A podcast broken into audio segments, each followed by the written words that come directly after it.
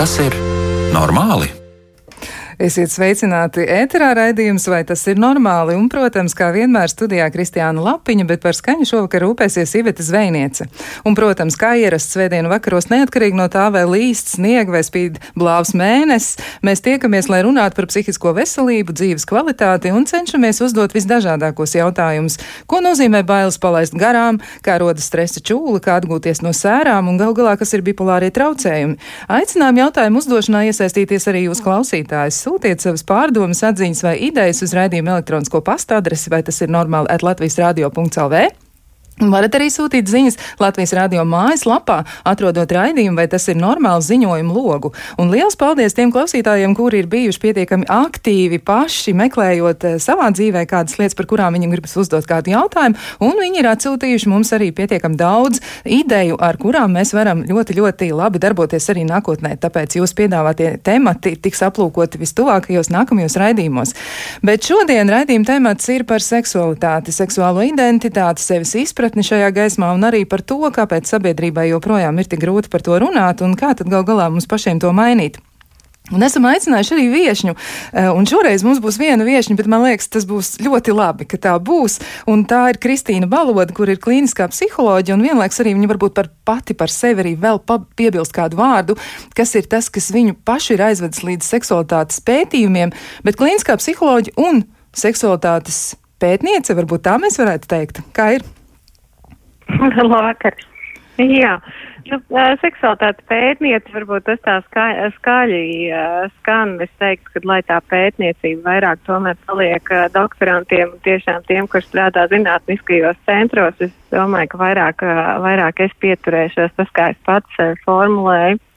Es mēģinu tiešām specializēties cilvēku seksualitātes jautājumos un, un līdz ar to arī attiecību jautājumos. Un, Un tas varbūt būtu tāds vairāk tuvāk, man sirdī tuvāks formulējums. Bet līdz ar to daudz ko sanāk izzināt, jā, un lasīt. Un, un no tā informācijas aprit jau kļūst arvien lielāka, izējot no, no seksualitātes pētījumiem. Tā kā jā. tā pētniecība tuvu stāv. Uh, bet nu, tā ar pašu pētniecību varbūt tas nebūs tieši tas, ko es nodarbojos. Tas nebūs gluži tas, bet tomēr jūs par pētījumiem interesēties pietiekami daudz, un arī jūs papildināt savu izglītību. Es arī zinu, kur tas ir un kā, bet varbūt jūs pat varat iezīmēt to lauku, kur vēl ir iespējams iedziļināties seksualitātes jautājumos, jo tas nav, tas nav tikai par to, ka kaut ko mēs apgūstam mācību laikā, vai arī mums ir kāda daļa pieredzes, noteikti pasaules zinātni un arī pasaules klīniskie psihologi nu, to kopa eh, strādā šo jautājumu izpētē tālāk. Varbūt jūs varat arī pastāstīt klausītājiem, nu, kas ir tas, ko jūs vēl darāt.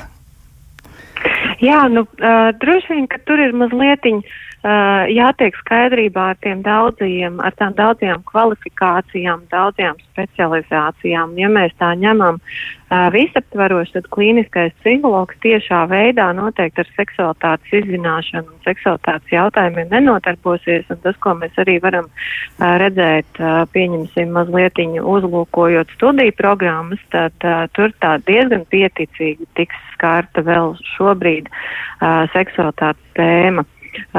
Es šajā gadījumā esmu patiešām izvēlējusies to specializāciju padziļināt, un tie bija tie mani meklējumi, kur tad un kā to varētu darīt.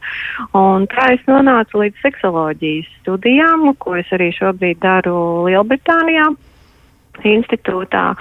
Un, uh, tas ir, protams, ka ļoti, ļoti ievērojami vairojas gan manas zināšanas, gan izpratni, gan arī to redzējumu, kā tad klīnisko psiholoģiju un arī uh, terapeitisko darbu ar klientiem papildināt ar šo te aspektu, lai viņš kļūtu vis, visaptvarošāks. Un es pat teiktu tāds. Uh, Nu, zin kā, tā kā māja bez pamatiem celt mm -hmm. ir mhm. diezgan grūti, tā es teiktu arī bez cilvēku seksualitātes izpratnes ir diezgan, manuprāt, komplicēti uh, virzīt to atbalsta procesu cilvēciskos izaicinājumos, jo lielākoties jau viņi tomēr ir saistīti ar identitāti un ir saistīti ar attiecību veidošanu. Tur nu bez, tomēr bez tās seksuālās dabas nekā. Lai kā mums liktos, ka seksualitāte ir par seksu, bet uh, būtībā jau tas nebūs tik novienkāršoti. Uh, mūsu seksuālā identitāte būtībā ir tā, kas mums ļauj sevi bāziski spoguļot vispār kā personībām, izpaust kā personībām, virzīt sevi savā unikālajā veidā un interesēs.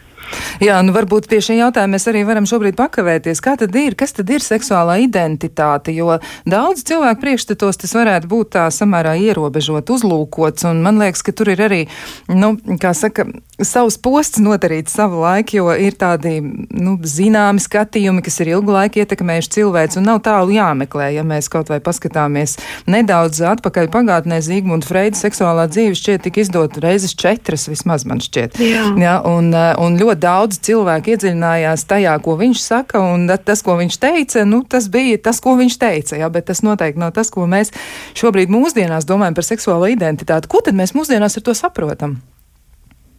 Uh, jā, nu, uh, gluži tā, tieši tā arī, kā, kā jūs minat, uh, redz, katram laikmetam un katrai kultūrai būs raksturīgi tas, caur kādu prizmu, jebkurš jautājums tiek uzlūkots, un kas varbūt vairāk tiek uzsvērts, un kas varbūt tiek vairāk atstāts ēnā vai netiek uztināts.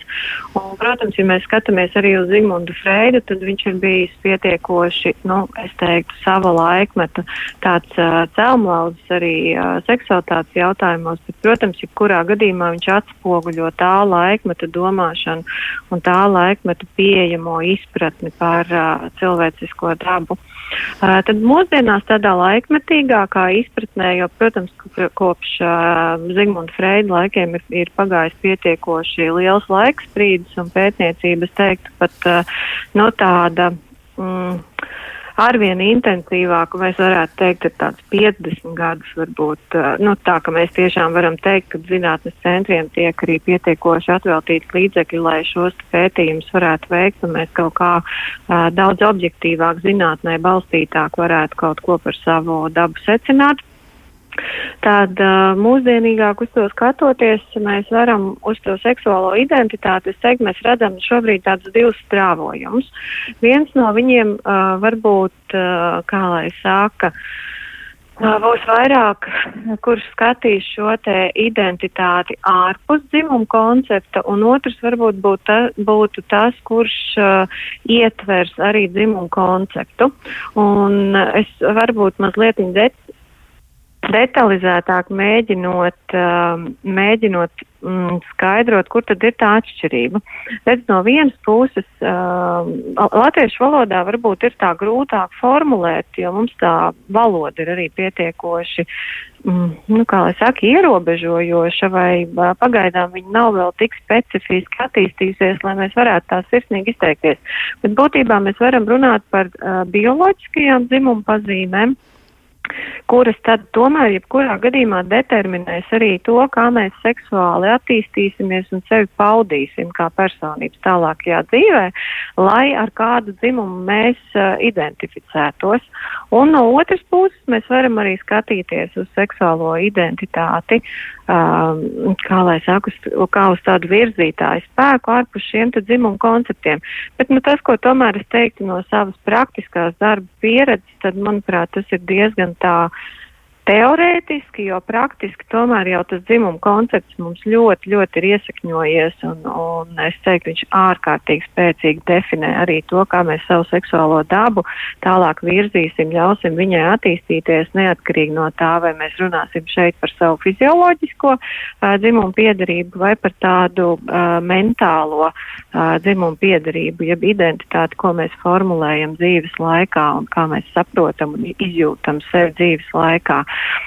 Nu, tā varbūt nu, tā visaptvaroši skatoties, bet kopumā, ja mēs tā mēģinam sašķelt, lai saprastu, par ko tad mēs vispār runājam, domājot par seksuālo identitāti, vispirms mēs domājam par fizioloģisko dotumu, ar kādu mēs piedzimstam, tad mēs runājam par to, kā katrs no mums jūtās, kādam dzimumam var būt piederīgs vai iespējams mūsdienās mums ir jau tā iespēja paskatīties uz sevi arī jebkādā jebkādām, ārpus jebkādām dzimumu kategorijām.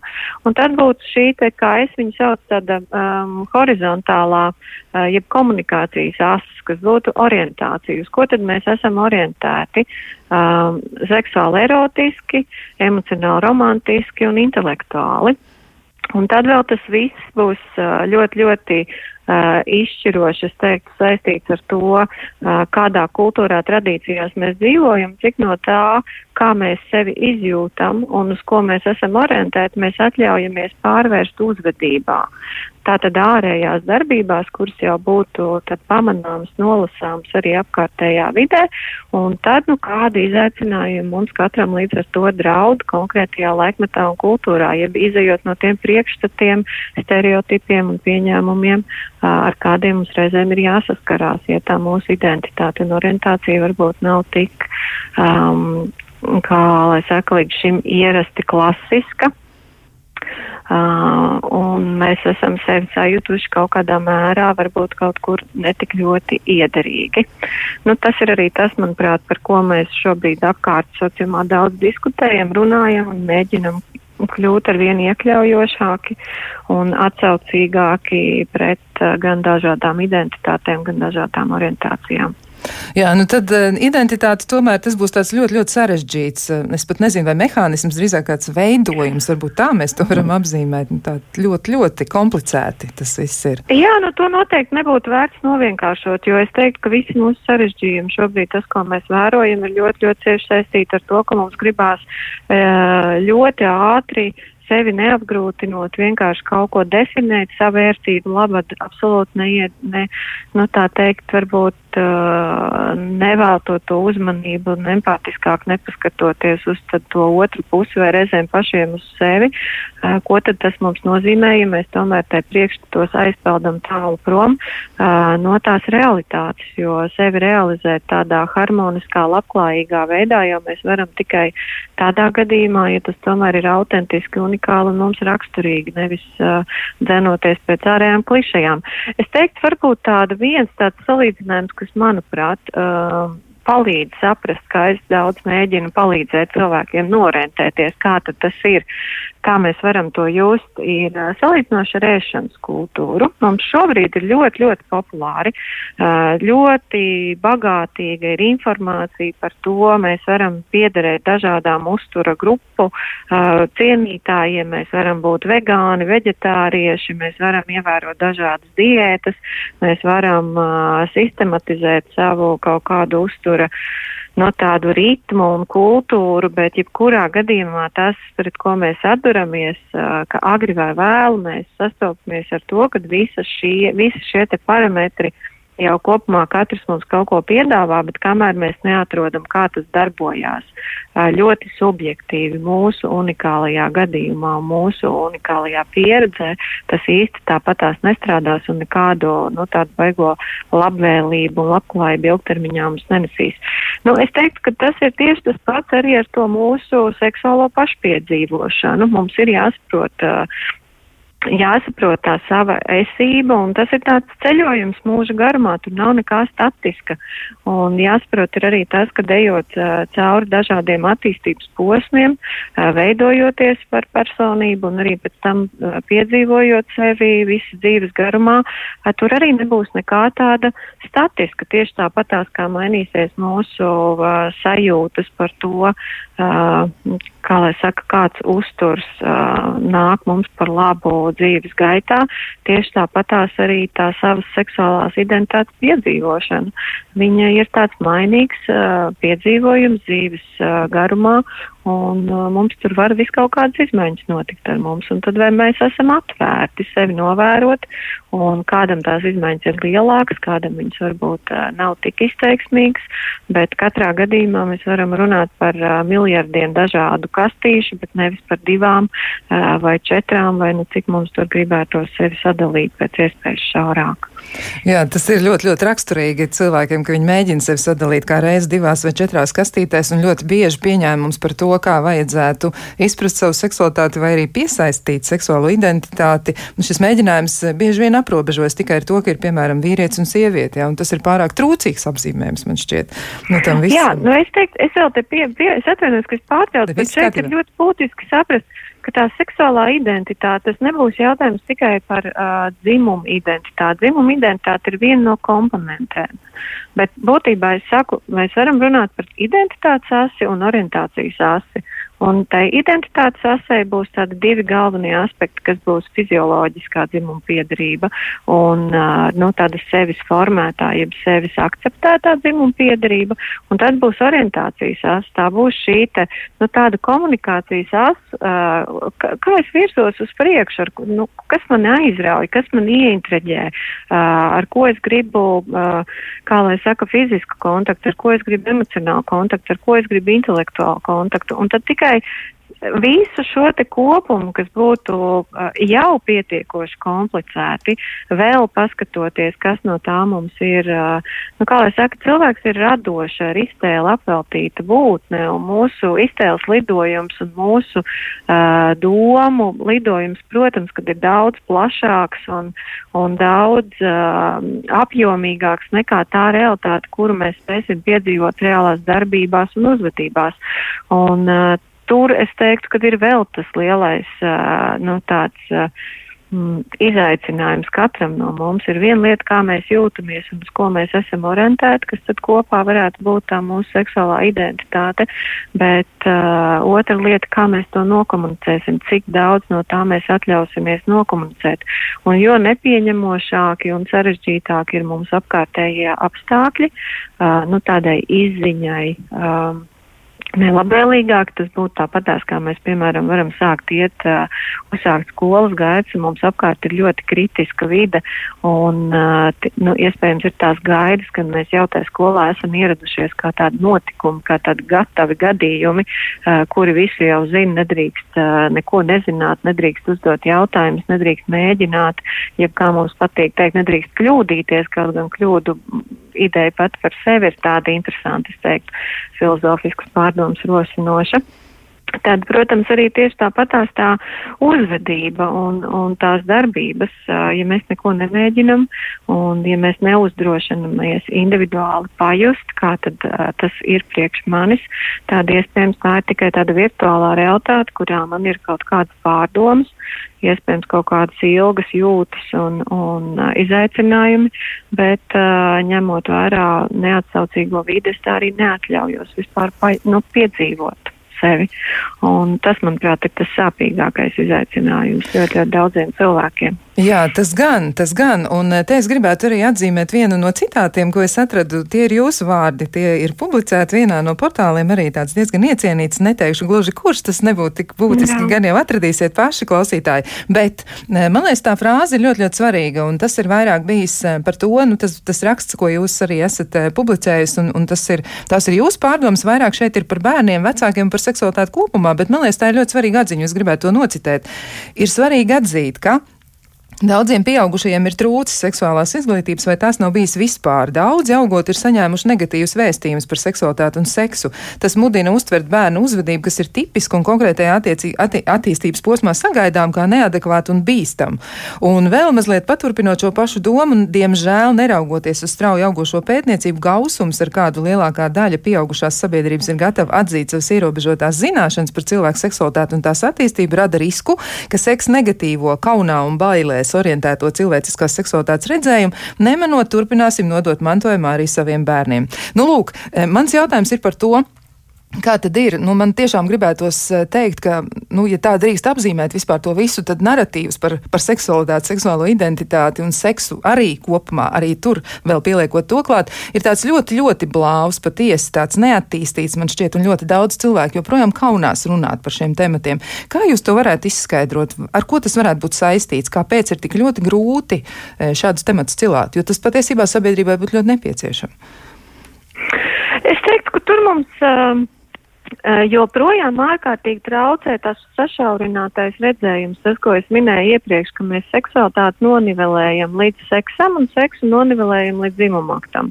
Un viennozīmīgi mūsu kultūrā nav tradīcija sanākt pie apaļā galda un runāt par to ar kādu, nezinu, par dzimumaktu un visu ar to saistīto kultūru.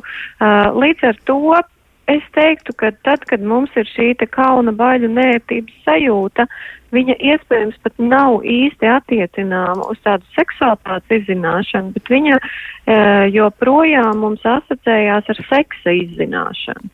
Un, ja mums seks kā darbība, kā aktivitāte šķiet bīstama, un savā ziņā tas arī ir vēsturiskais mantojums, ko mēs esam saņēmuši no iepriekšējā uh, Nu, no iepriekšējās pieredzes, kāda nu, mums viņā lielākai daļai ir bijusi, ir tāds, uh, nu, kā lai saka, tāds bubulīgs un, un neiedrošinošs un uh, galīgi ne uz izglītošanos orientēts, jo arī tur es teiktu, ka joprojām ir tāds klupšanas akmens, kad uh, tas, ko es daudz sajūtu, um, strādājot, ir, ka mums ir tāda ekspektācija, ka tad, kad jautājums iet par seksu, jeb runa iet par seksu, mēs esam tādi gatavi piedzimuši cilvēki, kuriem nekas nav jāmācās.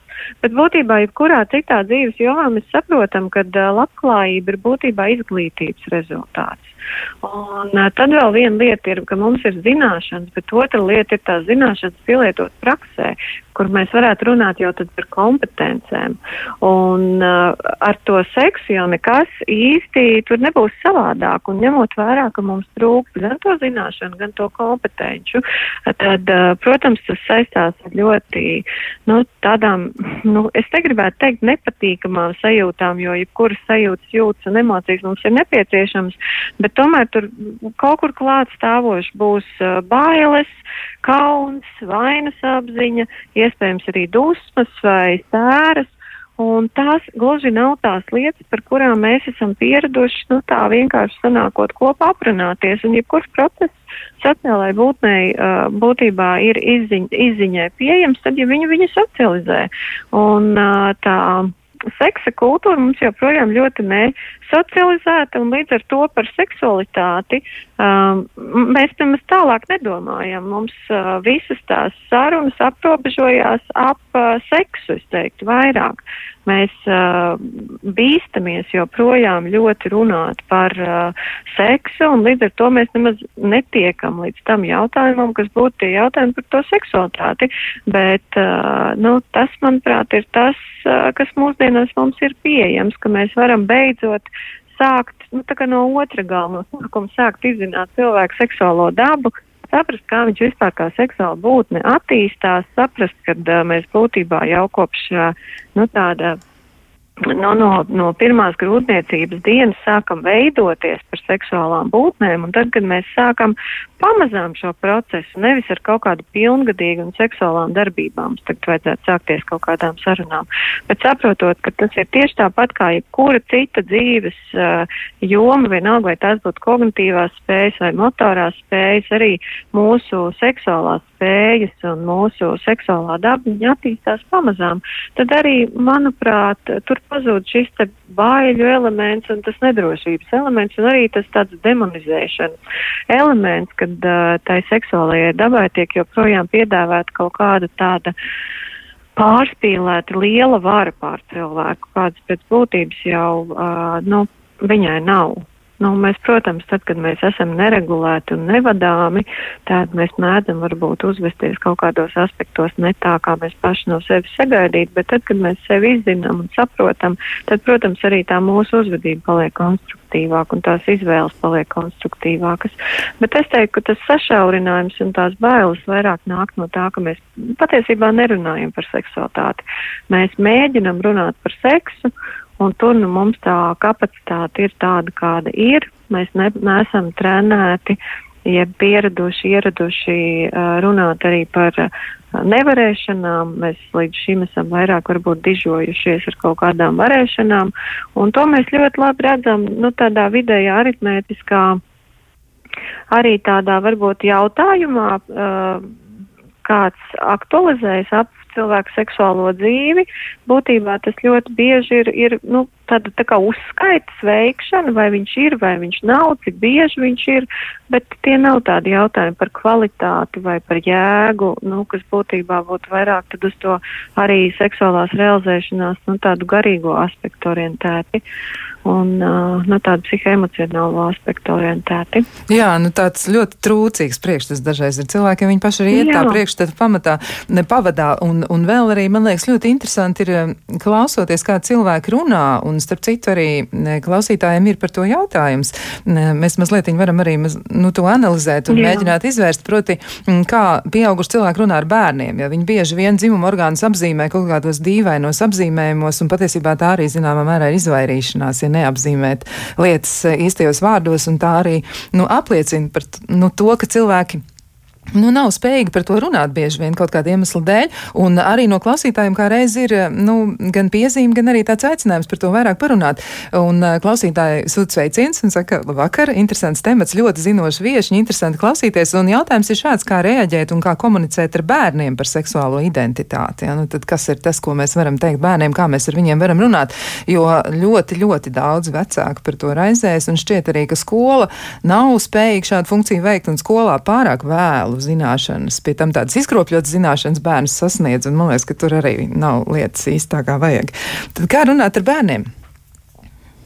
Nu, tieši tāpat kā mēs runātu paši ar sevi, tas, ko, tas, ko, tas kā es jūtu šo tēmu, mēs jau visi savā ziņā esam bērni. Uh, mums nav bijušas pieejamas nu, tādas cilvēciskas, atbalstošas, empātiskas un, un sirsnīgas sarunas par šo, nu, tāda informācijas apmaiņa.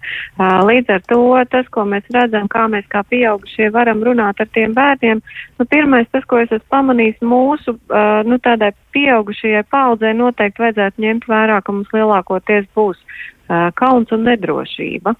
Un uh, no tā nevajadzētu kautrēties, no tā nevajadzētu baidīties.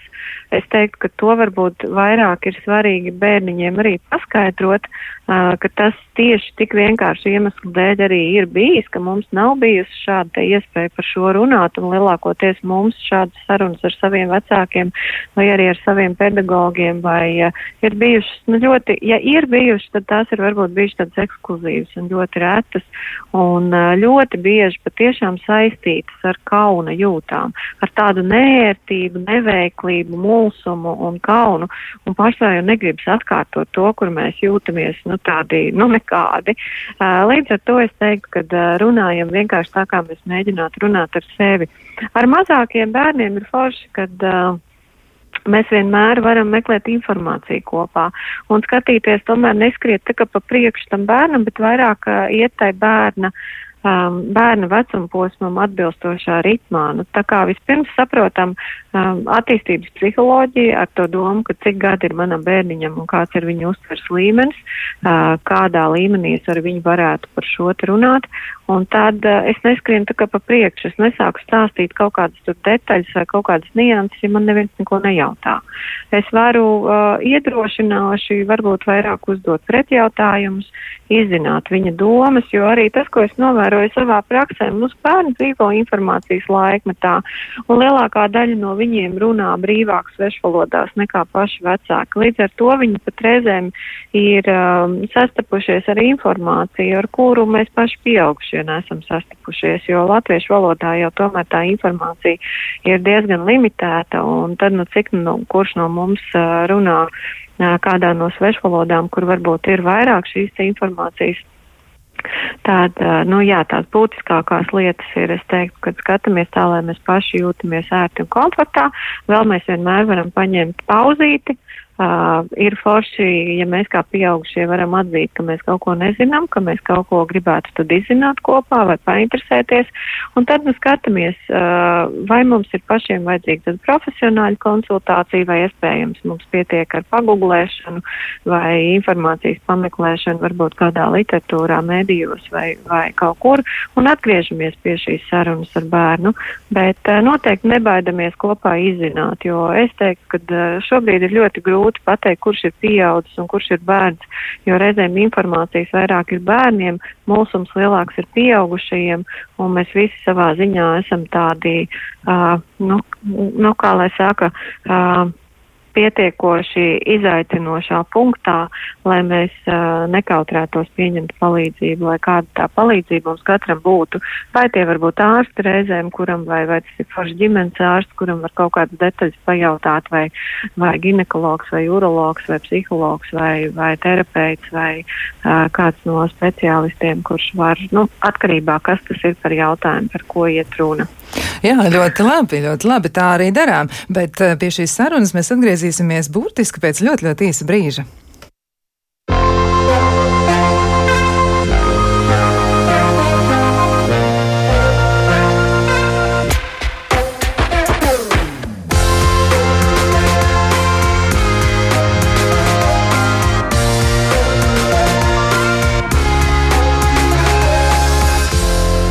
Vai tas ir normāli? Jā, mēs esam atpakaļ. Mēs turpināsim tūliņ arī iesākto sarunu par seksualitāti, seksuālo identitāti un citiem ar to saistītiem jautājumiem. Bet klausītājiem gribu atgādināt, ka mēs atbildēsim arī uz jūsu jautājumiem, un jūs varat tos iesūtīt e-pastā, vai tas ir normāli, at Latvijas radio.lv, un varat arī izmantot ziņojumu logu Latvijas radio mājaslapā un tādā veidā tieši piedalīties raidījuma veidošanā. Un vēl noteikti gribu atgādināt par pieteikšanos podkāstam ar šādu pašu nosaukumu, vai tas ir normāli.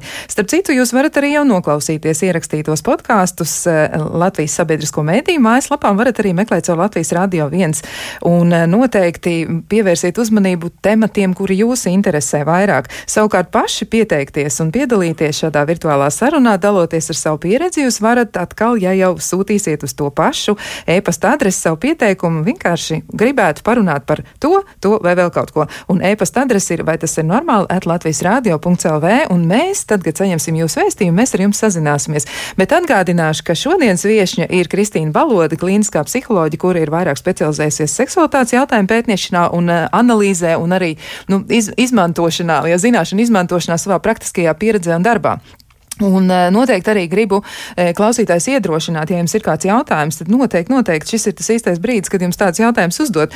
Un eh, mazliet turpinot to Kristīnas pausto ideju par to, ka ir jāsaka tik daudz, cik ir nepieciešams. Es atceros vienu filmu, kas bija ļoti jauka ģimenes filma, un tur bija tāda diezgan nērta situācija tētim, jā, filmas varonim, kuram meitiņa uzdeva jautājumu. Meitiņai tajā brīdī, laikam, ir kā četri gadi, viņa jautā, kā rodas bērni, un tad tētis ir tik ļoti, ļoti samulsts tajā visā, viņš tik ļoti ilgi pinās, mēģinot mēģinot izskaidrot to, kā tas ir, ka beig beigās viņa neizturēja un teica, nu, šī mazā meitene, ka viņa ies pajautāt mammai, jo vairs jau tur neko nevar saprast, ko tas teica. Saka.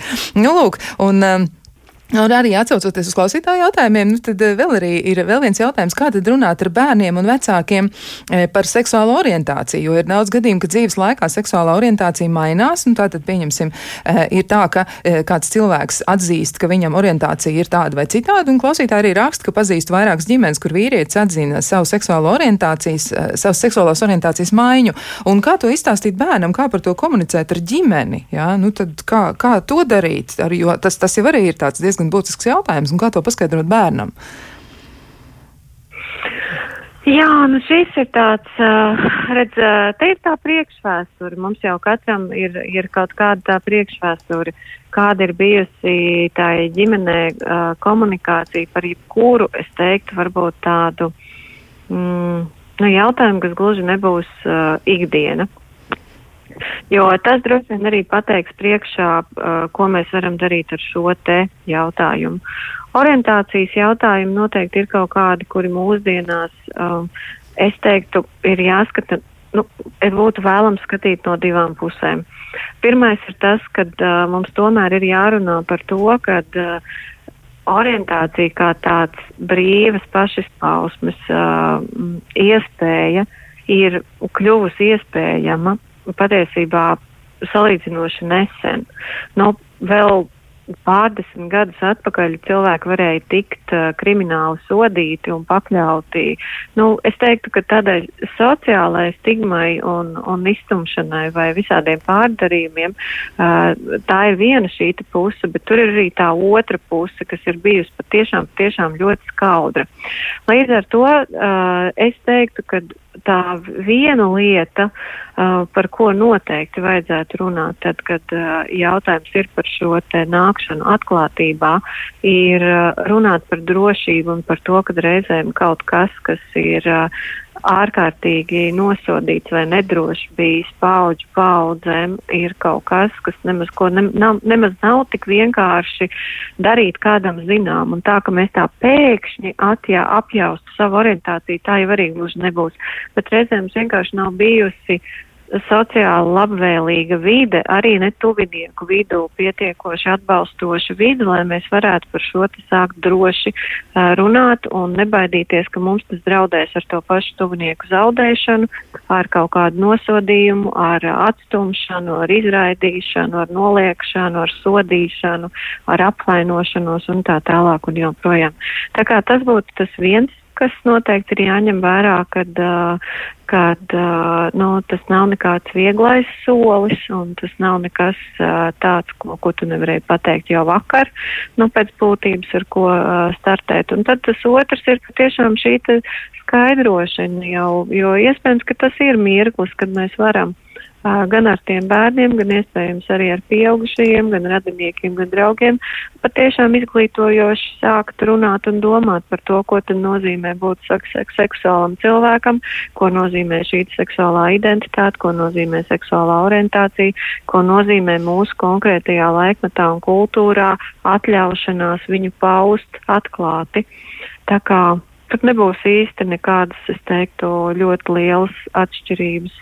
Nu, ja tas ir pavisam maziņš bērns, tad es pieļauju, ka kamēr viņam pašam nav, mēs varētu runāt par tādu pubertātes vecumu bērnu, kurš pats sāk vispār just seksuāli romantisku interesi pret kādu no cilvēkiem, tad tur varētu arī būt jau lielāka izpratne par to, par ko ir jārunā, varbūt jau tādās niansēs par šīm simpātijām un kaut kādām vēlmēm, bet uh, ar tādu mazāku bērnu es teiktu, ka tur vairāk ir jārunā par to, cik uh, savā ziņā nežēlīgi mēs varam būt un cik tas galīgi nav vienkārši mums uh, būt savā būtībā tādiem, kādi mēs esam, arī reizēm līdzās tuviem cilvēkiem. Un ka pasaule nevienmēr ir, ir pret visu izturējusies ar atvērtību. Un mēs šobrīd vienkārši piedzīvojam to laikmetu, kad šī atvērtība un, un tāda pieņemšana sāk būvēties kā tāds, nu, kā būtībā, nu, kaut kas, kas. Uh, kas kļūst pieejamāks jebkuram no mums, bet tas noteikti nav pašsaprotami. Un tas noteikti nav pašsaprotami vēl ļoti daudzās valstīs.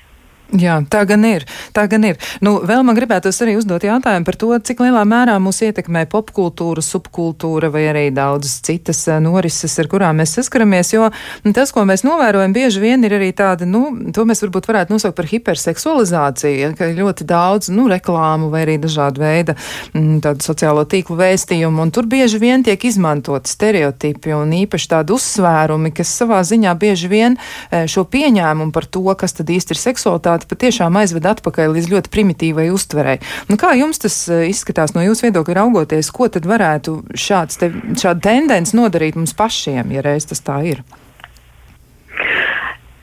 Zinu, kā es tā teiktu, ka uh, tur vispār ir tādas, um, mums grib, manuprāt, tas, kā mums gribētos, ka to tā novienkāršot un, un ļoti uzsvērt to, ka šobrīd varbūt ir tāda ārēji ļoti seksualizēta tā mm, popkultūras vide, bet būtībā tas ir kā mēs arī uz to paskatāmies, jo no otras puses es teiktu, ka viņa varbūt ir vairāk tāda ķermenim uzmanību pievērsoša, un rietumu kultūrā noteikti ķermenis ir kaut kāds arī liels koncepts un jautājums, ar ko mums ir sarežģītas attiecības no ar tādu tiešām ķermeņa demonstrēšanu, ķermeņa brīvu paušanu, neatkarīgi tad no dzimuma identitātes un orientācijas. Es teiktu, ka tas varbūt ir tas, ko mums nav tik viegli tolerēt, bet es neteiktu, ka tas ir kaut kas, kas obligāti ir identificējams kā varbūt uh, nepieņemams vai kaut kādā veidā uh, nu, nevajadzīgs. Un otra lieta, ka tas notiek pietiekoši varbūt tādā agresīvā, nu, ar to domu, ka dinamiskā formā un veidā, ko it īpaši, ja mēs, piemēram, domājam par sieviešu uzvedības kultūru, mēs arī nesam pieraduši redzēt. Nu, ar to domu, ka sieviete klaji pauž savu seksuālo dabu un uh, demonstrē uh, savu ķermeni, kurām mēs piešķiram jau būtībā seksuālu nozīmi, bet pēc būtības kaut arī viņš ir kails, tas obligāti nenozīmē, ka mums uz viņu ir jāskatās seksualizētā veidā. Uh, mums vienkārši nav ierasti. Un uh, es drīzāk teiktu tā, ka iespējams, ka tas, kas mums šobrīd šķiet stipri pa daudz, ir vienīgais veids, kā mēs varam iepazīt otru polaritāti, lai kaut kad, uh, nu, katrs tad atrastu to formu un veidu, kas varbūt būtu sabalansētāks un, un mums katram individuāli pieņemams, bet tā visu laiku aiztaupot un slēpjot un kaut kur pieklusinot un notušējot, ja arī mums nav īsti iespējas apgūt to savu seksuālo būtību un dabu un iemācīties, kā tad individuāli katram no mums viņi būtu uh, pieņemami uh, paust, jo mēs esam dažādi. Un līdz šim ir bijuši varbūt arī kaut kādi tādi kultūras un laikmeta noteiktie, uh, nu tādi kārtības noteikumi, kā mums pienāktos to darīt. Tad uh, mūsdienu kultūra un laikmets savā ziņā grauj visu iepriekš uh, pieņemto. Uh, un mēģina parādīt kaut kādu alternatīvu variantu, tas, manuprāt, ir tas, par ko mēs arī reizēm mēdzam satraukties, domājot par mūsdienu laikmetīgo mākslu, kad viņa arī tiek, tiek savā ziņā stigmatizēta kā agresīva, uzbrukoša, negatīva, un, un nu, varbūt šādiem epitetiem vairāk apveltīta, bet es teiktu, ka tas nebūtu tik viennozīmīgi, lai mēs kaut kā atrastu līdzsvaru, mums ir jāiepazīst polaritātes, un es teiktu, reizēm ir vērts vairāk skatīties uz to šādi, jo tieši tāpatās uh, līdzās šim te jau tiek definēti arī tādi jauni būtiski uh, pamatstūrakmeņi mūsu tādai seksuālajai drošībai. Un viens no tādiem, piemēram, ir vienošanās. Nākošais ir baudas kultūra. Nu, ka mēs vairs par seksuālo tādu pašrealizāciju nerunājam tikai grūtniecības, uh, nav jeb reprodukcijas un uh, slimību kontekstā, bet mēs vairāk runājam par komunikācijas kultūru, par to, ar to domu, ka neviens nevienam neko nedara, uh, ja par to nav noslēgta vienošanās sarunās apusēja, un viņi ir verbalizēti visiem saprotamā veidā un apstiprināti, un iespējams arī procesa gaitā atkārtoti apstiprināta. Un nākošais ir arī uh, tas, ka uh, tur ir šī drosme neatkarīgi no dzimuma uh, paust savas vēlmes, savas vajadzības un arī izrādīt iniciatīvu, kas arī mums ļoti maina to, kā mēs to redzam līdz ar to ārēji, ka tas tiek atspogļots. Mēs neesam pieraduši, piemēram, skatīties uz sievietes uzvedību kā uz kaut ko, kur drīkstētu būt pietiekoši jaudīga tāda savas seksuālās dabas reprezentācija. No līdz šim viņa ir tikusi automātiski stigmatizēta kā vulgāra, nepiedienīga, nepieņemama um, un tā tālāk un joprojām. Jā, tas, tas patiesi sadzīvē arī bieži vien atspoguļojas, jo citreiz ir tā, ka, un sevišķi tas ir starp vīriešiem un sievietēm, un paši arī bieži vien cilvēki to atzīst, ka tad, ja sieviete ir paudusi kādu, nu, nezinu, viņa pateikusi kādu frāzi vai izrādījusi uzmanību vīrietim vienkārši atzīmējot kaut ko vai nu viņā pašā vai, vai viņa apkaimē, nezinu, varbūt Jā. izteikusi komplimentu viņa mašīnai, e, tad viņš piedēvē viņai to, ka viņa vēlas ar viņu seksuālu kontaktu. Ja? Nu, tad tas noteikti tā, tā nav, un es, es ticu arī, ka milzīga daļa cilvēku noteikti to tā arī neuztver. Bet eh, runājot tieši par šo te kultūru un arī par kultūras iespēju, arī klausītāji ir iesaistījušies. Un eh, viens no jautājumiem šāds, ko jūs domājat ar eh, mūsu kultūru šīs sarunas ietveros attieksmi un izpratni par seksualitāti un seksu un kultūra, kā es saprotu, ļoti atšķiras kaut vai starp dažādām Eiropas valstīm, nemaz nerunājot arī par citām vietām pasaulē. Nu, droši vien, ka tam arī ir milzīgs iespējas, kas ir tas, kas ir cilvēku kultūra, kultūrā, kā mantojums, nu, tāds, kas, kas nāk līdzi līdzi. Jā. Jā, nu, protams, nu, kaut vai, ja mēs, piemēram, paskatāmies kaut vai uz mums kā uz uh, Ziemeļvalsti un mūsu attiecībām ar kailumu, nu, ja mēs pieņemsim, paskatīsimies uz dienvidiem, kur ar kailumu cilvēkiem un, un, piemēram, tur, kur ir kaut kādas tādas ir tīpaši uh, mūsu izpratnē seksualizētākas sociālās dējas un kur visos vecumos, dzimumos un apmēros un formās un pietiekoši atkailināti cilvēki vijās un dejo un izklaidējās un smējās, tad priekš priekš mums jau tur reizēm tur ir akmens ielas, tas neiztur nekādu cenzūru. Protams, kad ir jāskatās uz to visu arī. Nu, cik kultūras, cik tradīcijas, tik arī mums uh, būs kaut kādas stiprās puses un būs arī kaut kādas vājās un ievainojumās puses. Uh, Šajā gadījumā, protams, kad mums ir arī ievērojams kaut kāds mantojums no, no uh, padomu laikiem, Mums ir noteikti joprojām trūkst seksuālās izglītības, kas uh, daudzās valstīs tomēr arvien intensīvāk tiek integrēta un piedāvāta gan pieaugušajiem, gan, gan uh, protams, arī skolu programmās. Un, ja mēs kaut vai, piemēram, par pieaugušo auditoriju domājot, tad, manuprāt, kaut kādā pēdējo trīs gadu laikā, ja mēs kaut vai tajā pašā Netflixā paskatāmies, ir, ir saražota, nu jau uh, uz droši vien divu roku pirkstiem saskaitām seriālu seksuāla gūzma, kura ir patiešām seksuāli izglītojoša un arī nu, tāda dzimuma līdztiesību aktualizējoša un atbalstoša. Kā, mm, protams, ir jāmācās gan lieliem, gan maziem. Un, protams, kad ja mēs mācāmies kā mazi, tad mums lieliem nav jāsatraucās tik ļoti un, un jāpiedzīvo daži dažādi pilnīgi nevajadzīgi pārdzīvojumi. Bet, protams, kad būs atšķirība, kurā nu, valstī mēs dzīvojam, kāda ir bijusi mūsu vēsture, kāda ir varbūt mūsu arī tādas tradīcijas, kuras atbalsta vai neatbalsta kaut kādu veidu arī informāciju, kur mums šobrīd globalizācijas laikmetā nu, jau ir tāda mūsu visus visaptvaroša.